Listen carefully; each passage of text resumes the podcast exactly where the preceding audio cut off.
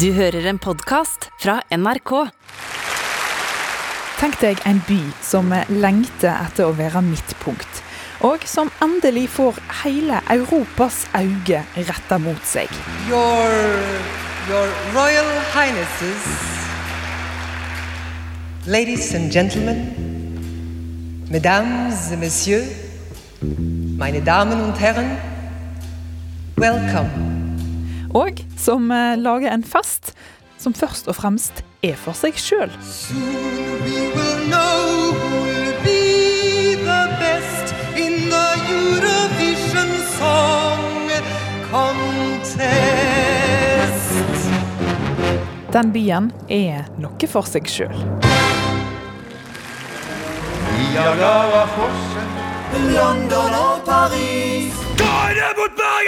Seg sjøl.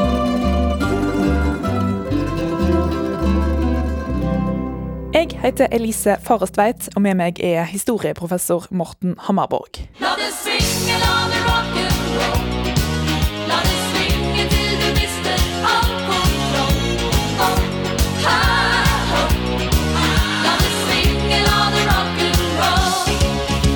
Dette her ble jo ei landeplage etter at eh, Bobby Socks vant med La det svinge, altså, i Eurovision Song Contest i 1985. Og Med det så vant Norge for første gang denne sangkonkurransen. Og med en norsk seier så skulle jo da Norge arrangere Eurovision året etter. Da òg for eh, aller første gang.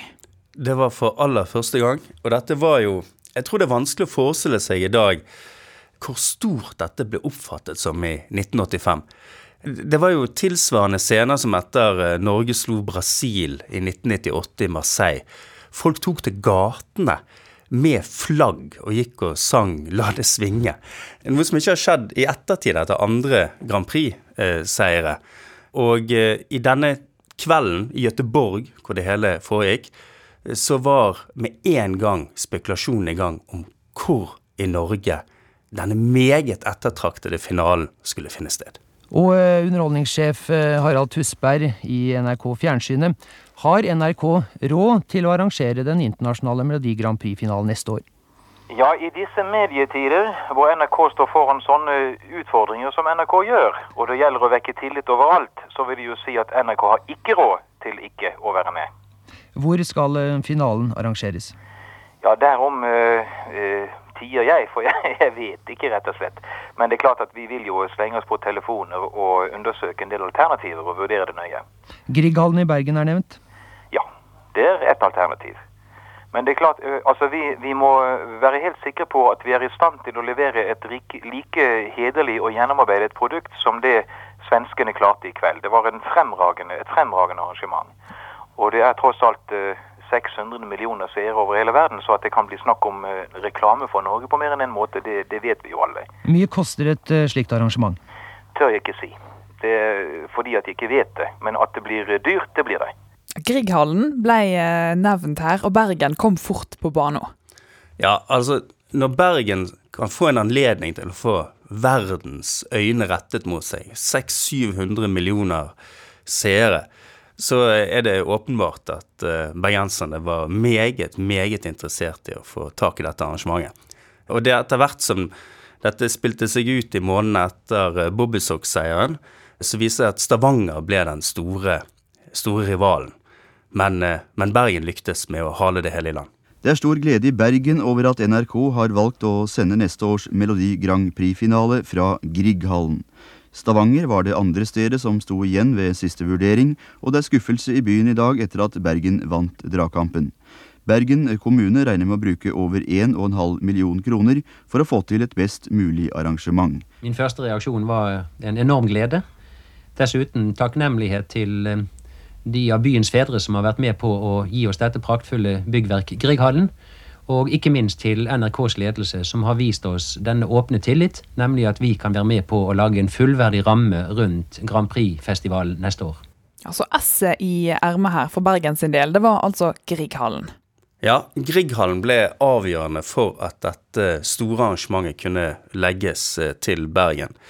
Dette er jo før eh, Oslo Spektrum og Telenor Arena og ja, Stavanger kulturhus for den saks skyld eh, eksisterer.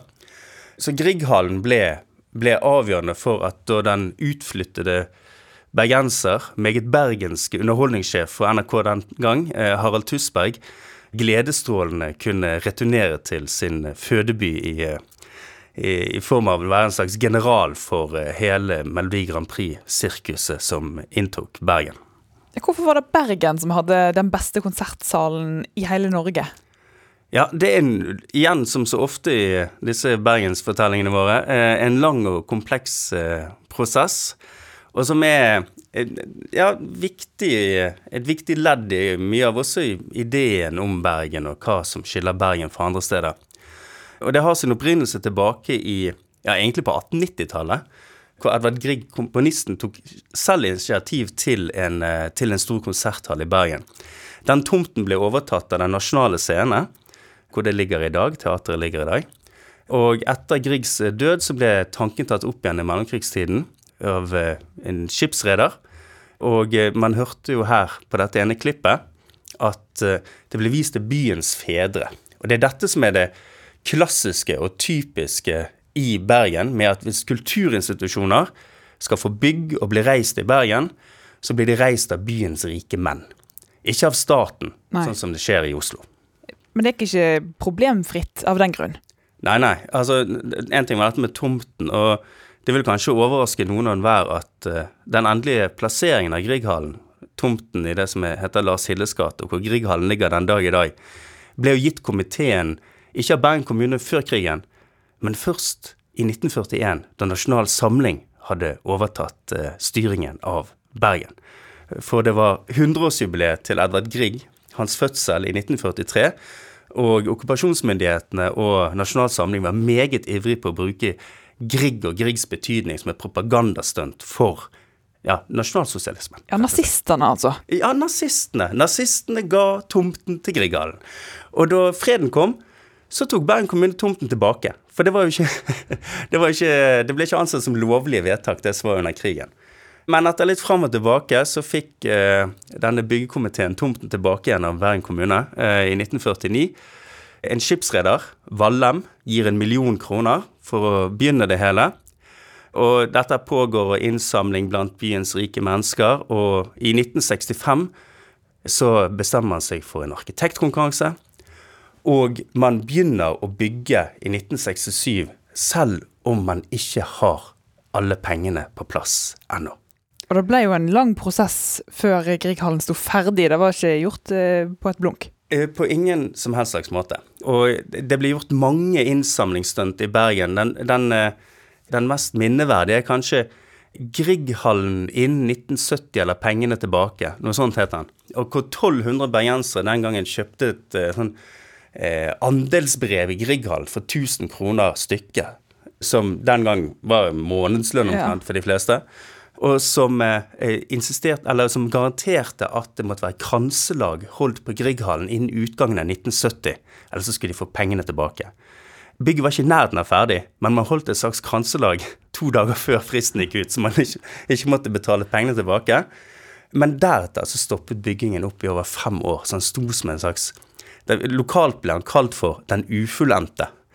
Og i Oslo-avisene så gjorde man narr av bergenserne med å kalle det en stålsilo til 40 millioner kroner. For det var ikke tak på bygget eller noen verdens ting i fem år. Det er noen rustne søyler, eller etter hvert rustne søyler som sto der. Rustne søyler sto der hvor nå Grieghallen er, og eh, forbipasserende hvis det regnet og blåste i Bergen, som av og til skjer, så, så kunne man få rustflekker på klærne eh, av å gå forbi den ufullendte. Formann i byggekomiteen, sivilingeniør David Lie Eide. Når blir hele Grieghallen ferdig? Det er bare et spørsmål om penger. Får vi penger nok, så kan vi ha den ferdig i 1973 til et hvilket som helst formål. Får vi ikke penger nok, så kan vi gjøre den delvis ferdig, og kan bli tidligere ferdig. Men dessverre, vi må ha penger. Hvor eh, mye penger har de nå til rådveldet?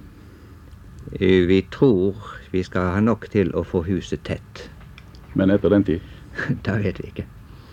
Og etter mye frem og tilbake og med mye raseri, klassisk bergensk raseri mot Oslo og forskjellsbehandling, for Oslo konserthus fikk nemlig mye mer støtte av staten og ble gitt nasjonal betydning, selvfølgelig. Det skjer jo i Oslo, ikke Bergen.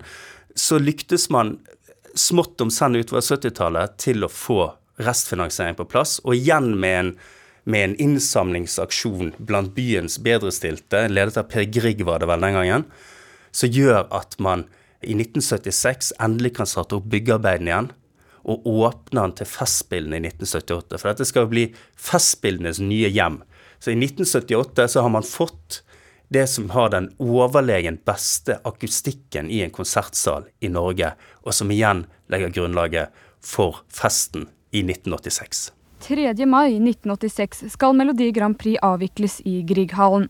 Før vi er kommet så langt, skal Bergen kommune bruke 1,5 million kroner til nye garderober i Grieghallen. Nygård skole like ved skal pusses opp til pressesenter, og det skal anlegges park og parkeringsanlegg i tilknytning til hallen. NRKs beslutning om at Melodi Grand Prix-finalen skal sendes fra Bergen og ikke fra Stavanger, bunner først og fremst i at Grieghallen har svært god akustikk, og at de tekniske forholdene der ligger godt til rette for et slikt arrangement. NRK viser også til at det har vært en rekke større program sendt fra Grieghallen tidligere, med godt resultat. Og Én ting var jo selve arrangementet og denne sangkonkurransen, men som vanlig da i Bergen så ble det først og fremst en god anledning for en skikkelig folkefest. Ja, som så ofte ellers i Bergens historie. Så et stort arrangement som da gir en anledning for bergenserne til å gå ut og være i det hellige bergenske byrom, og være bergensere fullt og helt og feste, den eh, gripes jo begjærlig. Og eh, altså, i, rekken av eh, av, altså jeg, husker, jeg tror det var da de begynte med den Dragebåtfestivalen igjen. Og, Ja. og, og det var jo utallige, utallige forskjellige arrangementer som gjorde at liksom gaten var fylt til randen flere dager og kvelder på rad. For meg så er jo, eh, så er jo selve bildet, altså selve bildet av igjen denne her eh, av og til sånn absurde, galskapslignende festingen som eh, Bergen kan hengi seg til, det er jo hopprennet i Johanneskirkebakken, eller fra Johanneskirken og ned i Vestre Torgate. Ja, Og det er jo bare sånn Hæ? Altså, vi snakker om mai måned. Vi snakker om mai måned i Bergen. Og Bergen er ikke akkurat kjent for sine rike skihopptradisjoner heller. Men eh, sted, det man gjorde, det var at eh, Hvem som i all verden fikk ideen, jeg aner ikke. Men det man gjorde, det var at man sendte tomme jernbanevogner opp til Finse på 1222 meters høyde. Fylte det til randen med snø fra Finse. Kjørte det ned igjen til Bergen, og deretter kledde et underrenn ned mot Vestre Torgate og gjorde i stand et eh, overrenn opp med Johanneskirken. Og så hev man snø på, og denne dagen her så var det altså 27 grader i mai, begynnelsen av mai i 1986. Det smeltet jo uhyre fort, men man kastet på snø så fort man bare greide. Og så sendte man utfor stort sett hele den norske hoppeliten.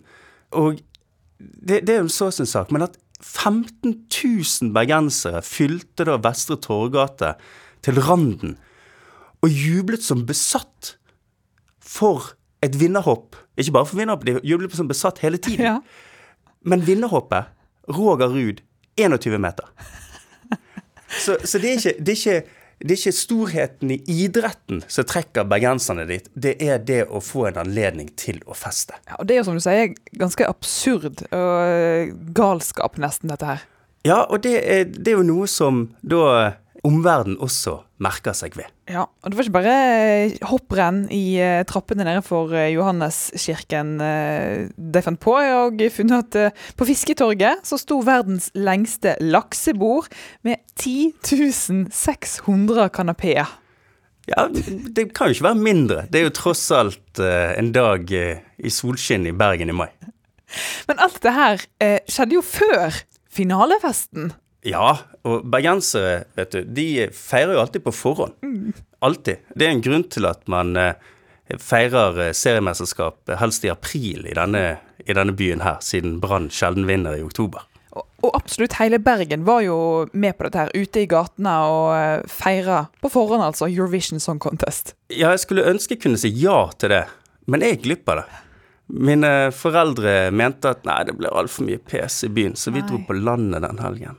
Ei helg du skulle ønske du ikke var på landet? Ja, som 14-åring så satt jeg altså i Jondal i Hardanger istedenfor å få med meg dette fesjået som var Melodi Grand Prix i Bergen. Men du kunne jo lese om det i eh, avisen da, Morten. Ja, mange, mange spaltemeter. Men dere skriver. Altså, journalister må skrive. Ja. Selv om det ikke skjer. Vi gjør det. Jeg oppfatter jo hele Grand Prix som en veldig sånn intens ikke-begivenhet. Ja. Hvor eh, Akkurat i Bergen denne gangen så har det vært så mye. Jeg har jo dekket Grand Prix før i utlandet og sånn, og da har det vært sånn Du sitter og river deg i hårene for at du skal skrive utrolig mange sider hver dag, og så er det egentlig ingenting som har skjedd, og du er i et annet land, og du skjønner ikke så mye, og du løper vilt etter de norske deltakerne for å prøve å finne noe stoff. Og, Men her, her, her har du skjønt alt. Ja, Så det mangler ikke på uh, ting journalistene kunne skrive om uh, fra Bergen dagene før finalen. Nei, det var eh, full fest i, i dagevis. Og, og jeg finner det interessant å lese særlig da utenbys eh, særlig de fra hovedstaden, hvordan, hvordan de oppfatter det. Hvordan ser de dette? Dette er noe de gjenkjenner, og det, det er det ikke. Vi har jo eh, ofte snakket her om at blikket fra Oslo er ofte litt sånn overrasket når det kommer til Bergen, og Bergen går av hengslene. De tar i bruk begreper som festfanatisme, som ellers er ukjent i vårt folk, og lignende beskrivelser for å få fram hvordan bergenserne fester en, som, en, som en by på en eh, litt eh, Ikke på en litt, på en ganske annerledes måte enn det hovedstaden særlig gjør. Og eh, bare for å trekke fram én av de rapportene som ble sendt hjem til hovedstadsavisene fra en utsendt journalist, så er det da den ganske berømte Mona Levin, som jo er en ganske dannet, eh, dannet eldre eh, kvinne, som eh, ikke pleier å gå av hengslene, er mitt inntrykk, i, i, i, sine, i sine reportasjer. Og, men det hun skrev hjem til Oslo, det var annet dette. Dette kunne bare skje i Bergen. Titusener av mennesker i ren og skjær Grand Prix-rus fyller gater og plasser fra tidlig om morgenen til langt ut på neste morgen. Og dette var jo i dagene før, men det var jo tross alt en finale her òg. Ja, men den ble jo også bergensk. Dette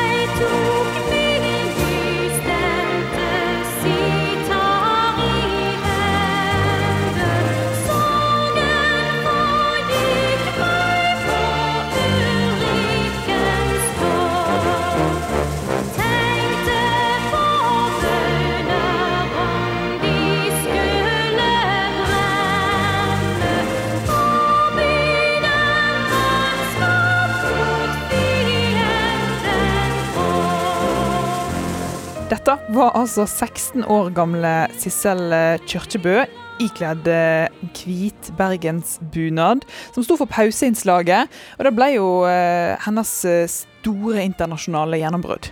Ja, dette er jo et uforglemmelig øyeblikk for i hvert fall alle bergensere som så og hørte Sissel synge nystemten i pausen på Melodi Grand Prix. Men jeg fikk høre, for ikke så lenge siden, så fikk jeg høre en historie fra en som var med på å arrangere dette her i 86 i Grieghallen. Og han kunne fortelle meg det at det, hadde det var fryktelig nære en gigantisk skandale. Ja, kanskje til og med en tragisk affære som kunne ha inntruffet i det øyeblikket nystemten begynte. Og det var nemlig det at eh, Israel var jo med i denne Melodi Grand Prix-finalen. Og eh, når israelske artister reiser utenlands, så har de med seg ganske mange sikkerhetsvakter. Og eh, de eh, var utplassert på strategiske steder i Grieghallen og ventet på om eh, For å forhindre eventuelle terroranslag. Og når da tonene til nystemten starter, så spretter jo da de 1600 i Grieghallen. Selvsagt. Selvfølgelig, det må man jo. Det er jo en bergensk plikt. Reise seg. Reise seg.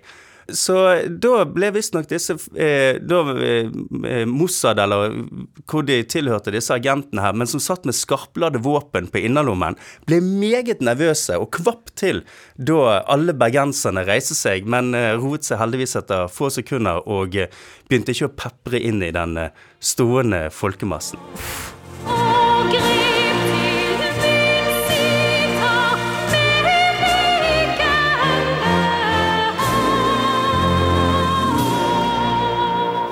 Det var altså pauseinnslaget. Heldigvis et godt minne. Men det skjedde jo mange andre ting òg.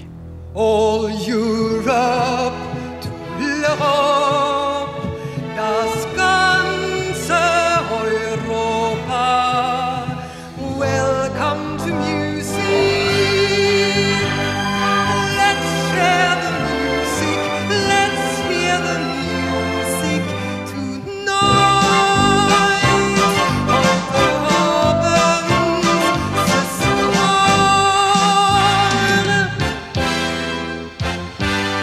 Åse Kleveland hun var altså programleder for uh, finalen, ikledd en uh, fotsid kjole i uh, sølvskimrende silke, overbrodert med perler, som uh, kommentatoren eh, sa.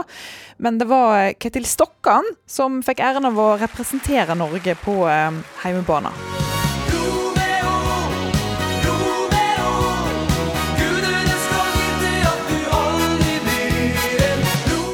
Det du nevner her, både med kjole og med Ketil Stokkan, som vel i i framføringen denne Romeo hadde besøk av eh, Great Garlic Girls-medlemmer, eh, som så ut som de var hentet ut fra hoffet i Frankrike på 1700-tallet. eller ting.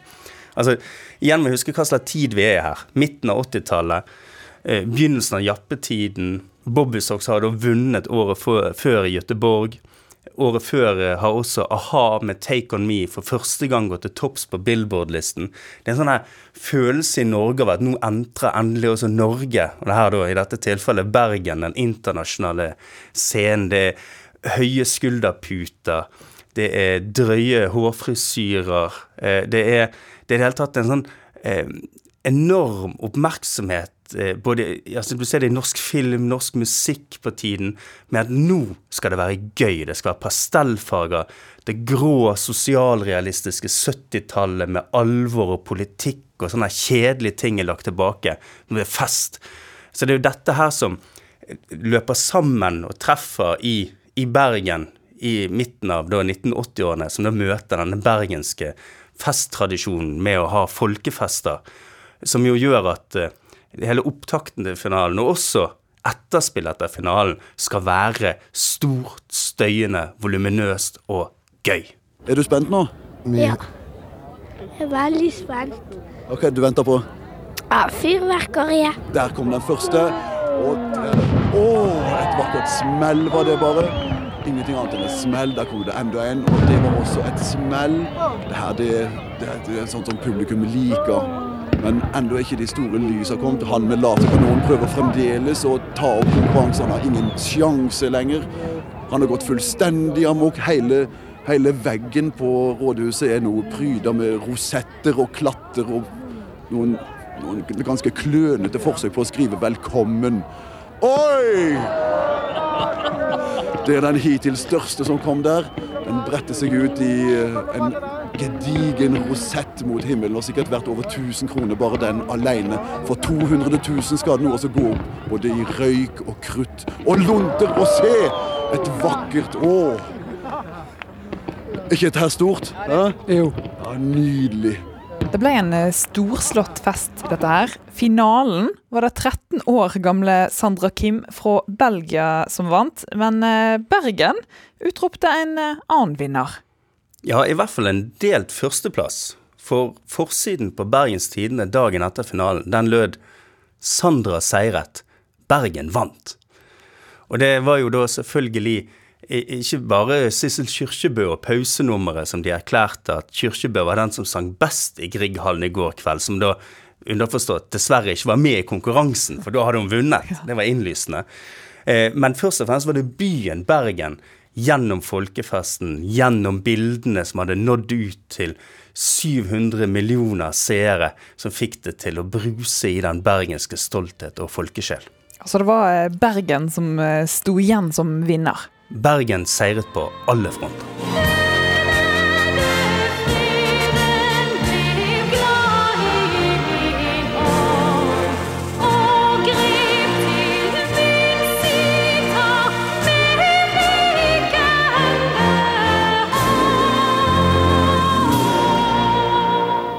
Denne podkasten er laga av professor i historie på Høgskolen på Vestlandet, Morten Hammerborg, og meg, Elise Farestveit.